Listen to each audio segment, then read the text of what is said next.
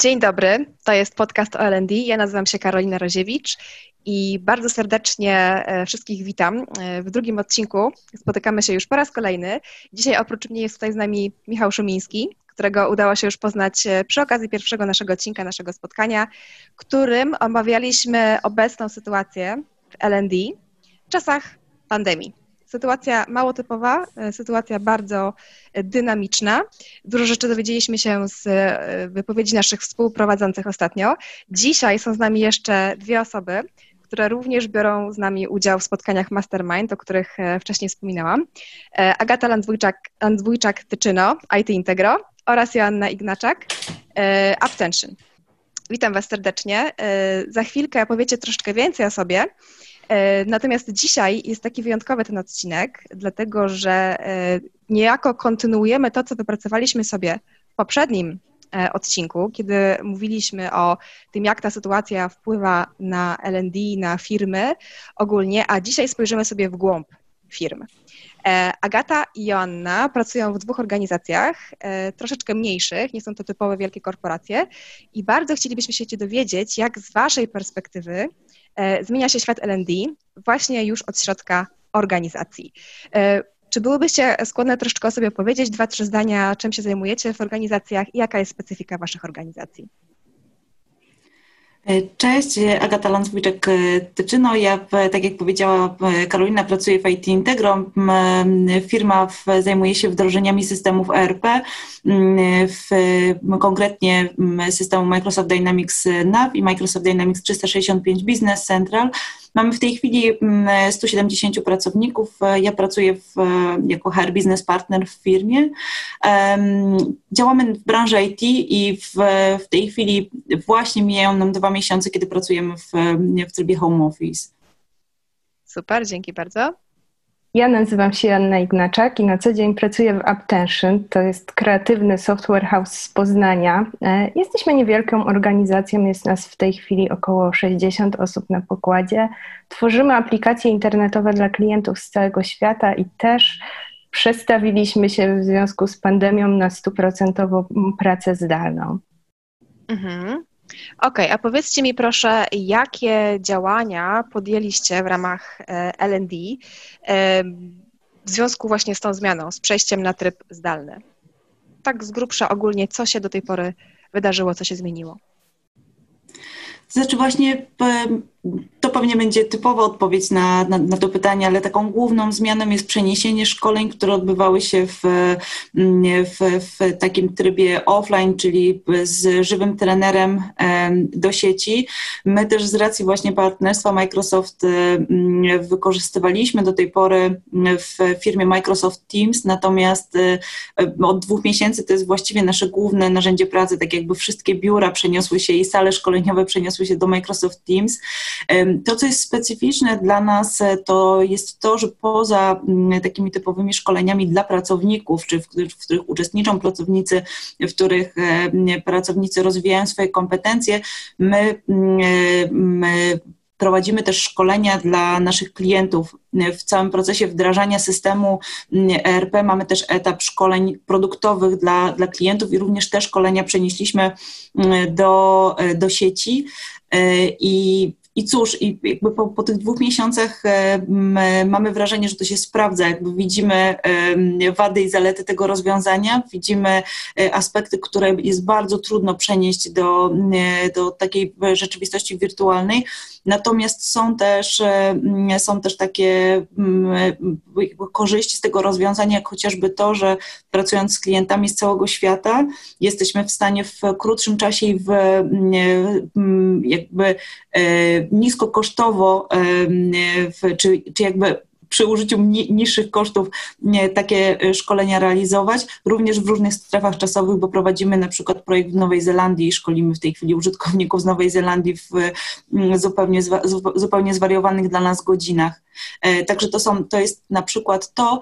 I jeszcze, jedna, jeszcze jedno zagadnienie, które, e, które przyszło mi na myśl, jak myślałam o temacie dzisiejszego podcastu, to jest też onboarding zdalny. O tym się trochę mówi w, w, w jakby w kręgach właśnie osób związanych z, z LND czy, wśród HR-owców, to też nie jest taka zupełnie trywialna kwestia, bo mówimy o osobie, która pierwszy raz ma styczność z firmą i trzeba ją jakby wdrożyć nie tylko w narzędzia, obowiązki, ale też kulturę firmy, to co jest akurat najtrudniejsze. I mamy też taki onboarding e, nowych pracowników e, mm, przeprowadzony całkowicie zdalnie za sobą.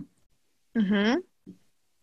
U nas rzeczywiście też podobnie. Musieliśmy się przestawić na stuprocentową pracę zdalną, chociaż to też nie było takie zupełnie nowe dla nas, bo od roku mamy gdzieś też wprowadzone takie nasze zasady pracy zdalnej. Akurat mieliśmy taki podobny eksperyment rok temu, bo biuro było remontowane i przez ten czas wszyscy musieliśmy przez trzy tygodnie pracować z domu, więc zdążyliśmy się wtedy do tego przyzwyczaić i od tego czasu też praca zdalna była dostępna dla wszystkich. Przygotowaliśmy też właśnie taki spis tego, w jaki sposób można gdzieś tam tą pracę zdalną sobie ułatwić.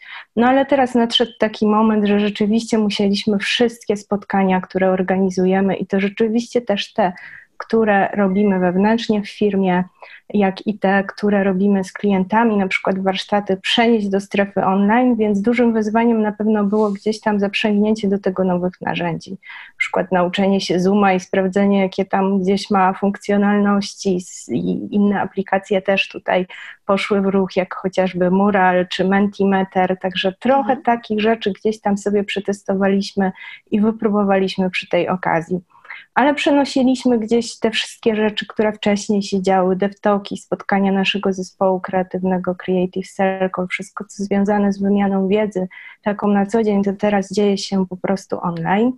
E, natomiast prowadziliśmy też kilka takich nowości dla nas, na przykład e, spotkanie, które nazywa się Coffee Break, które organizujemy co tydzień e, i nastawiliśmy się tu na wymianę wiedzy właśnie typowo, mhm. więc gdzieś pojawiają się tu drobne prezentacje na zasadzie lightning talku, 15-20 minut, gdzie każda osoba może się podzielić czymś, więc są takie rzeczy trochę bardziej lifestyle'owe, jak poradzić sobie w czasie kwarantanny, ale są też rzeczy związane na przykład z takimi bardziej HR-owymi tematami, jak na przykład dawać feedback, jak go otrzymywać, jak sobie gdzieś tam E, z tym radzić, jak działać bardziej produktywnie. Także myślę, że też z jednej strony pandemia była dla nas takim właśnie mm, motorem do gdzieś tam wdrożenia różnych zmian i wypróbowania nowych rzeczy. Na przykład zbudowaliśmy też bazę wiedzy, szkoleń, kursów online, wszystkich takich rzeczy, które gdzieś są dostępne w sieci i po które można sięgnąć, bo jednak te szkolenia stacjonarne no teraz się nie odbywają.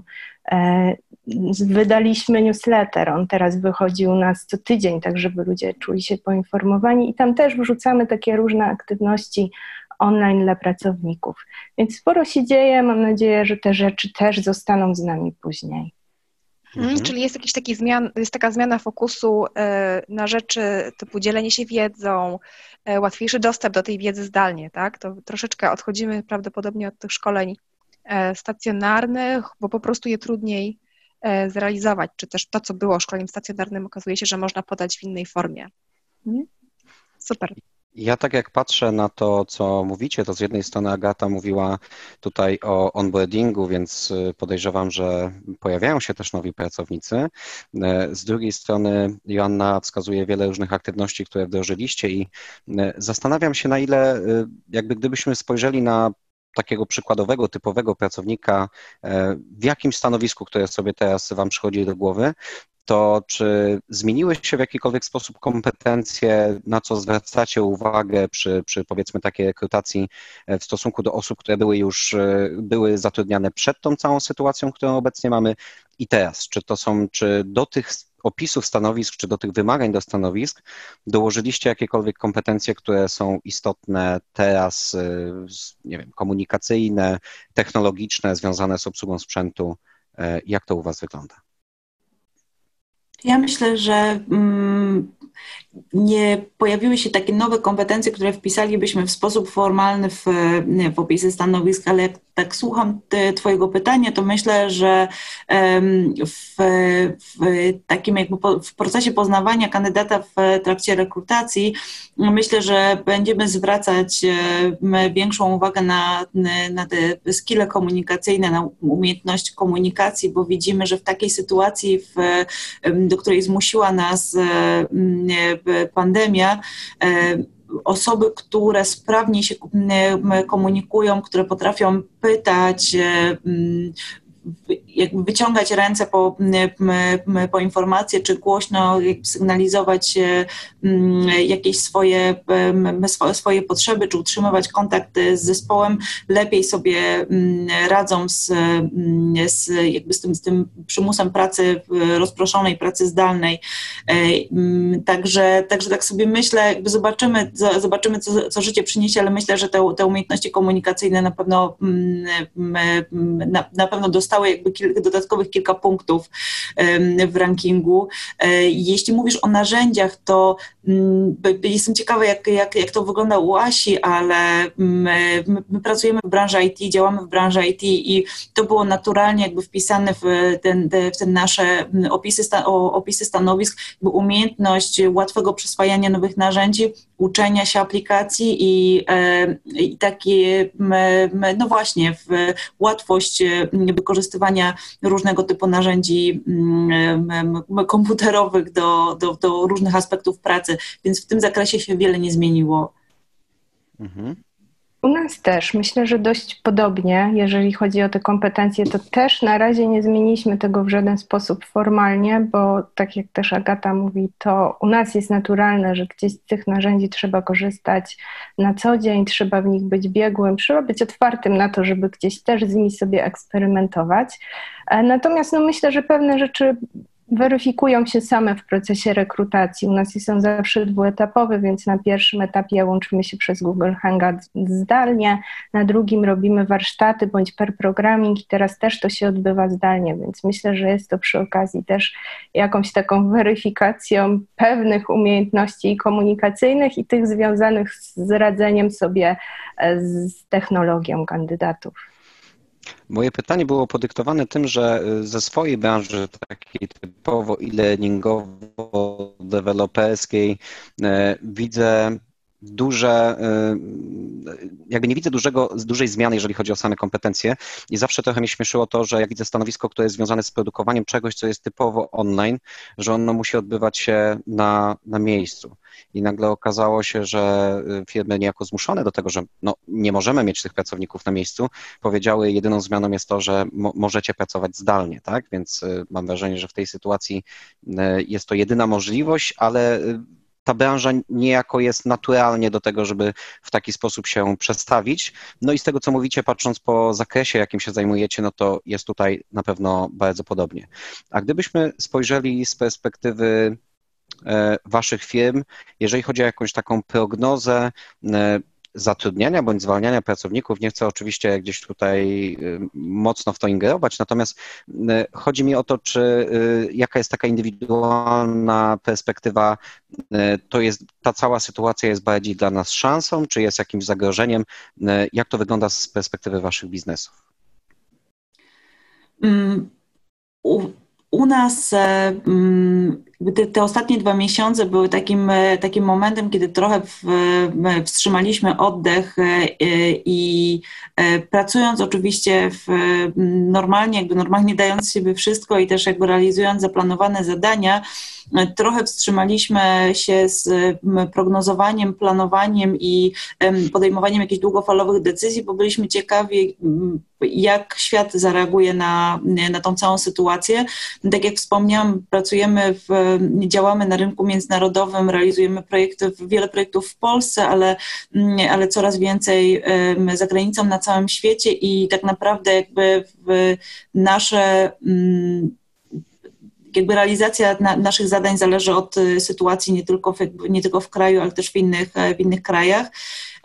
I po tych dwóch miesiącach widzimy, że działamy bardzo podobnie jak wcześniej, także powoli zaczynamy właśnie myśleć o, o przyszłości i planować jakieś dalsze działania również w zakresie rekrutacji.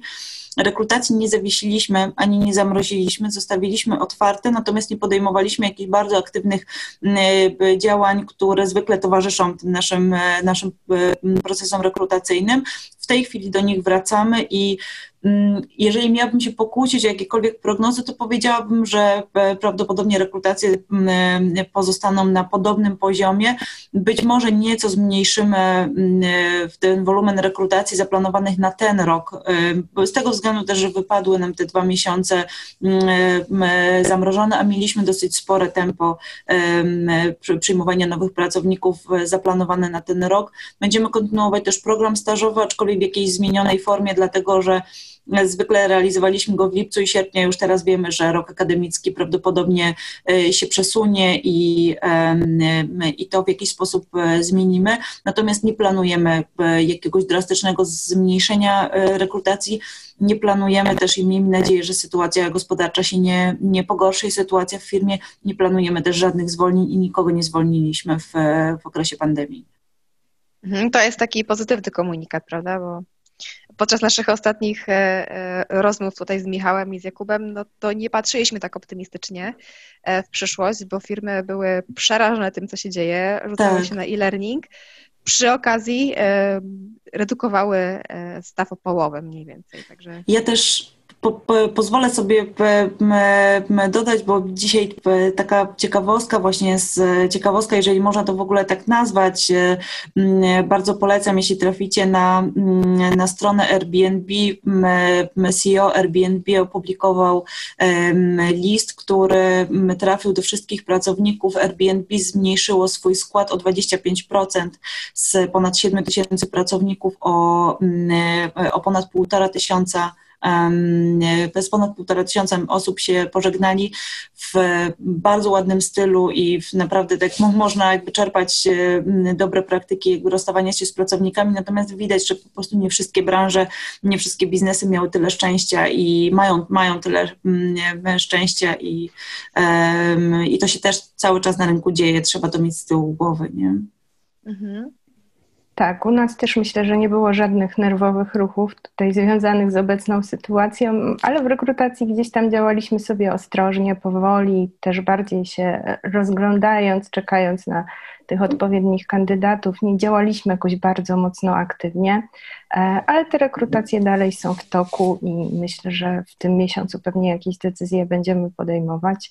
Onboarding nowych osób bez zmian, bo też akurat e, w kwietniu przyjęliśmy kilka nowych osób na pokład, więc to wszystko się działo i, i tutaj nie podejmowaliśmy żadnych takich krytycznych decyzji. E, natomiast rzeczywiście widzę to, co, o czym mówisz, Agata, że część firm zdecydowało się na cięcia, ale też myślę, że jest jakiś procent firm, które widzą teraz w obecnej sytuacji szansę na to, żeby te talenty wyłowić i będą pewnie jakoś bardziej wykorzystywać nawet to, żeby ściągnąć na pokład właśnie tych najlepszych. Więc też, też gdzieś mamy to z tyłu głowy w kontekście tych przyszłych rekrutacji. Mhm. To jest bardzo ciekawe, co mówisz, bo myślę, myślę, że mało firm ma taką perspektywę, że to jest faktycznie szansa, żeby e, dotrzeć do tych osób, które gdzieś wcześniej potencjalnie nie były zainteresowane e, e, współpracą. A powiedzcie mi proszę, czy wszystko zaczyna już powoli wracać do nowej normy? E, czy coś już się ruszyło w kierunku powrotu do biur, powrotu na tak zwane sale szkoleniowe, jeśli mówimy o pracownikach? E, czy na razie to się jeszcze toczy, toczy bardzo ostrożnie? Mm, powiedziałabym, że ostrożnie. E, w, nie planujemy na razie mm, żadnych takich aktywnych działań zachęcających pracowników do, do, do powrotu do biur, czy tym bardziej zmuszających pracowników do, do tego powrotu. Ta praca zdalna u nas działa i zdecydowaliśmy, że po prostu umożliwimy taką, taką e, opcję osobom, które są już zmęczone home office, czy nie mają takich odpowiednich warunków e, do pracy w domu i widać, że takie pojedyncze osoby zaczynają się mm, w biurach pojawiać. Ja pracuję w, w biurze już od ponad 2,5 tygodnia, ale zamiast 80 osób mamy jakieś 7-8 osób pojawiających się w, w, budynku. To co, to, co myślę, że jeszcze długo się nie zmieni, to właśnie tak jak zapytałaś, ten powrót na sale szkoleniowe. W tej chwili trudno sobie wyobrazić szkolenie dla 10 osób w jednej sali szkoleniowej, natomiast widać, że te obostrzenia i zalecenia zaczynają powoli topnieć, więc trudno powiedzieć, co będzie za dwa czy, czy trzy tygodnie. Na razie kolejne szkolenia planujemy w, nadal w, w, w trybie online i e, tak samo dzieją się też szkolenia, które realizują dla nas zewnętrzni, zewnętrzni partnerzy. Mm, także pod tym względem niewiele się, e, niewiele się na razie zmienia. My też jesteśmy teraz na takim etapie planowania tego powrotu, bo gdzieś rzeczywiście docierają do nas takie głosy osób, które są trochę home office'em zmęczone, gdzieś tam problemy z kręgosłupem, inne zdrowotne już się zaczynają, więc na pewno chcielibyśmy umożliwić to przynajmniej tej części osób, która tego najbardziej potrzebuje, ale będziemy bacznie obserwować, z czym musimy się zmierzyć. Jesteśmy na etapie właśnie zapoznawania się z wszystkimi restrykcjami, tworzenia tego planu, sprawdzania, co musimy pracownikom zapewnić, i na pewno nie będzie tak, że wszyscy będą mogli wrócić w jednym czasie. To już na ten moment widzimy, że nie jest w ogóle możliwe w żaden sposób, więc po prostu umożliwimy to tym, którzy, którzy najbardziej chcą, najbardziej potrzebują, żeby do biura wrócić. Na sale szkoleniowe, no myślę, że nie wrócimy jeszcze przez jakiś czas. Akurat pandemia nas e, zastała w takim momencie, gdzie planowaliśmy takie dość duże aktywności rozwojowe dla naszych liderów i musieliśmy je zawiesić i prawdopodobnie będziemy działać online. Trochę działamy wewnętrznie, gdzieś tam wspierając te osoby oczywiście na co dzień, trochę stawiamy na taką wewnętrzną wymianę wiedzy, to wszystko się dzieje zdalnie, ale póki co no, musimy jeszcze chwilę poczekać. Na pewno nie bez znaczenia jest tutaj inicjatywa y, PIFS-u, czyli Polskiej Izby Firm Szkoleniowych, która cały czas próbuje wypracować standardy do tego, jak w ogóle wrócić, jeżeli mówimy z perspektywy samych szkoleń. Natomiast y, tak mam takie wrażenie, że standard i powiedzmy możliwości, czy prawne możliwości do tego, żeby takie szkolenia przeprowadzać, to jest jedno. Natomiast y, ciekawe, czy w ogóle ludzie będą chętni do tego, żeby w tych szkoleniach powiedzmy tak stacjonarnie uczestniczyć. Zastanawiam się, jaki będzie wpływ jakby tego online'u na y, normalny, że tak powiem, obieg y, szkoleń takich stacjonarnych, ale chciałbym się Was zapytać, czy coś Was y, tak mocno zaskoczyło? Nie mówię oczywiście, no dla wszystkich jest zaskoczeniem sama sytuacja, ale chodzi mi o to w samej postawie pracowników. Czy nagle się okazało, że wyszły jakieś, y, no Wy jesteście firmami technologicznymi, więc może, może trochę mniej, ale czy nagle się okazało, że coś, co w, z perspektywy HR wydawało się oczywiste, obsługa, y, nie wiem, narzędzi jakichś, które teraz muszą być robione zdalnie, czy to się przełożyło in plus czy in minus, czyli czy tutaj było po prostu jakieś zaskoczenie, i może tak w sposób bardziej otwarty, jaka jest jakby nastawienie pracowników, no bo jednak dwa miesiące już jesteśmy w tej sytuacji i teraz y, czy odbiór jest dalej pozytywny, czy, czy ludzie już by chcieli wrócić, y, no, bardziej chodzi mi o takie zaskoczenie i, i rzecz, y, którą myślicie, że jest warta wymienienia. Hmm. Ja tak pozostając w, w tym obszarze LD powiem, że w ubiegłym tygodniu zrealizowaliśmy dla wśród pracowników takie badanie, ankietę anonimową właśnie badając różne aspekty pracy z domu. Pojawiło się tam pytaliśmy właśnie o, też o, o to zmęczenie, o, mm, o to, czy warunki umożliwiają tą, y, tą, tą efektywną pracę z domu, ale też pojawiło się takie przewrotne pytanie o to, co pozytywnego się wydarzyło w, mm, w, w, w związku z tym przejściem w, w tryb pracy zdalnej i w tym takim stanie wyjątkowym. I sporo osób, w ogóle my mieliśmy bardzo dużą frekwencję odpowiedzi na, na, na to badanie, bo prawie 80% pracowników wzięło w nich udział i sporo osób powiedziało, że E, takim plusem dla nich jest e, to, że w, dopracowały, że popracowały trochę nad swoją umiejętnością samoorganizacji, w ogóle organizacji pracy własnej. My też zrealizowaliśmy w firmie, ja zrealizowałam takie krótkie webinary, warsztatowe webinary właśnie z efektywnej pracy zdalnej i samoorganizacji, które też e, spotkały się z dosyć dobrym odzewem, ale myślę, że to jest fajny trend. Nie? To jest trochę tak, jak, jak Asia mówiła, że są, e, są takie aspekty, które można potraktować jako szanse e, w tym, w tym trybie. Druga, drugie takie zaskoczenie, które, które przychodzi mi do głowy, to to, że praca zdalna miała takie mm, jakby kojarzyła się z taką obawą o brak efektywności, o to, że jak, ktoś, jak pracownicy są w domu, to pewnie się trochę rozpraszają, może seriale na Netflixie, a może wstawianie prania w międzyczasie. Mm, I myślę, że wielu osobom, nie tylko u nas, mm, nie, nie, nie tylko u nas w firmie, towarzyszyła taka obawa, że będziemy w stanie jakby wywiązywać się z terminów czy z założonych zadań, w, w, kiedy będziemy pracować zdalnie. I to się absolutnie sprawdziło. Mieliśmy jednostkowe takie, mm, takie, takie przypadki, przypadki, gdzie notowaliśmy, mm, że, że jakby były osoby, które, którym trudno było się właśnie zorganizować, czy, mm, czy, czy, czy efektywnie sprostać mm, oczekiwaniom, ale to były, to były incydenty i udało nam się też wspólnie nad tym pracować. Natomiast y, generalnie to się po prostu sprawdziło. Mhm.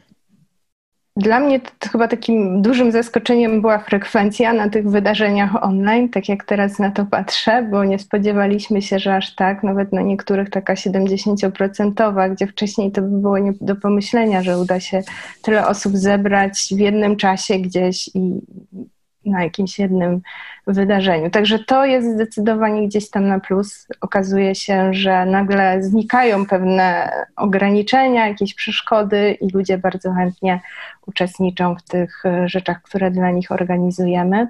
Też staramy się badać te nastroje. Akurat przednią, zeszłotygodniową sesję online sobie poświęciliśmy na taką ankietę na żywo, sprawdzając, jak ludzie się czują, właśnie też te aspekty pracy zdalnej badaliśmy, sprawdzaliśmy. No i jest bardzo pozytywny odbiór. Jest na pewno dużo osób, które, którym się ta praca zdalna podoba, choć co ciekawe, na przykład nie ma czegoś takiego, że ludzie chcą na stałe zdalnie pracować. To u nas raczej będą może jakieś bardzo pojedyncze przypadki.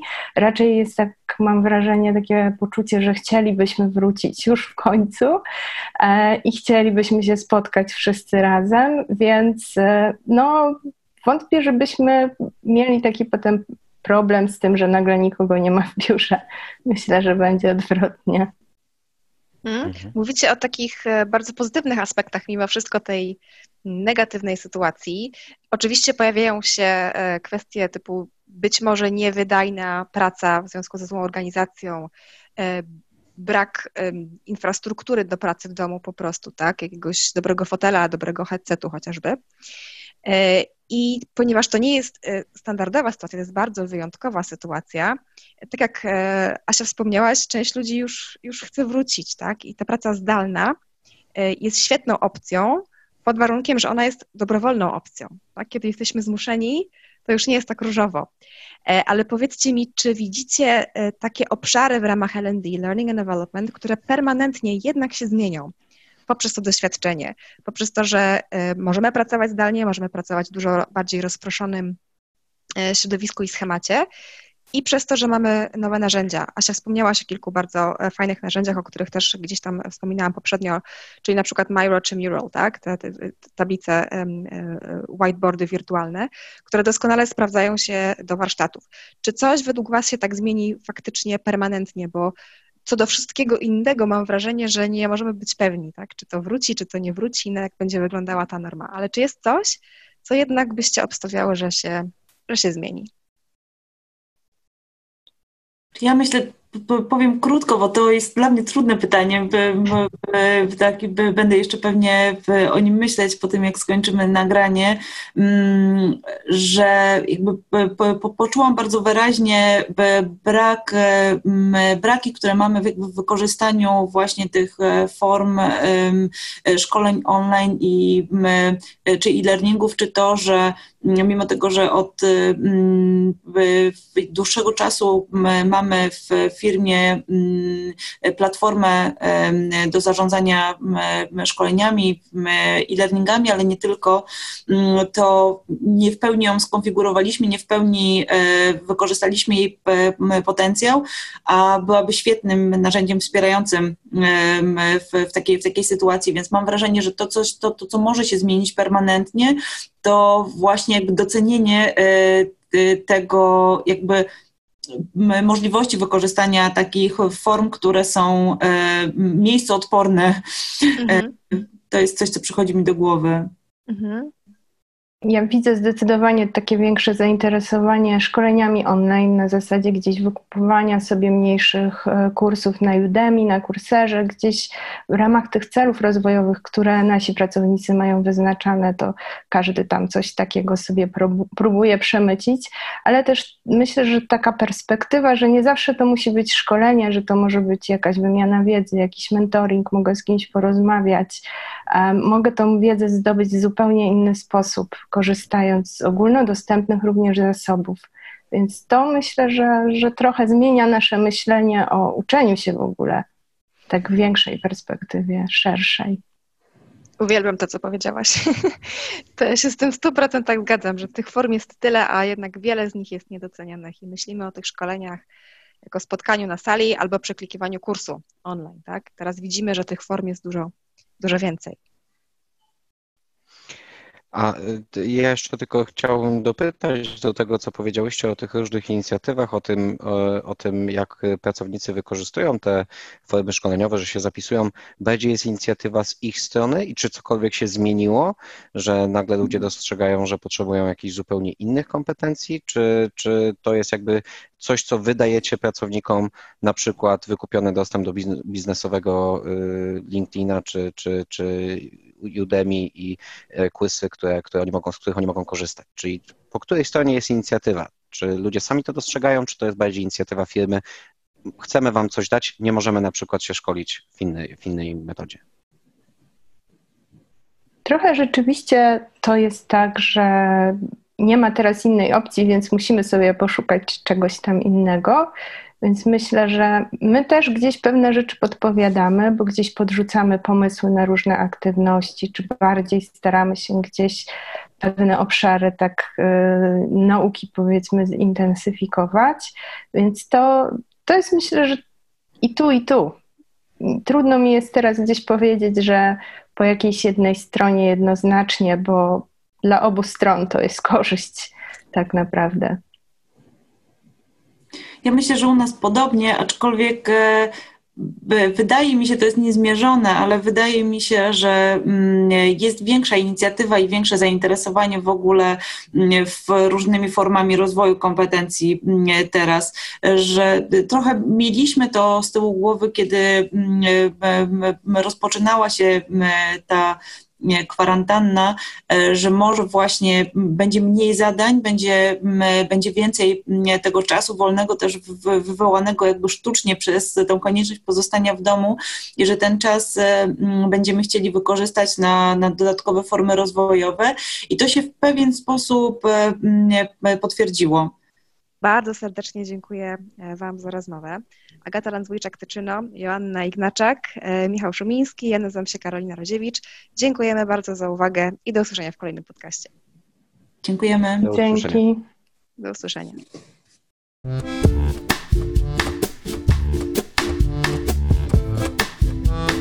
Ha ha ha ha!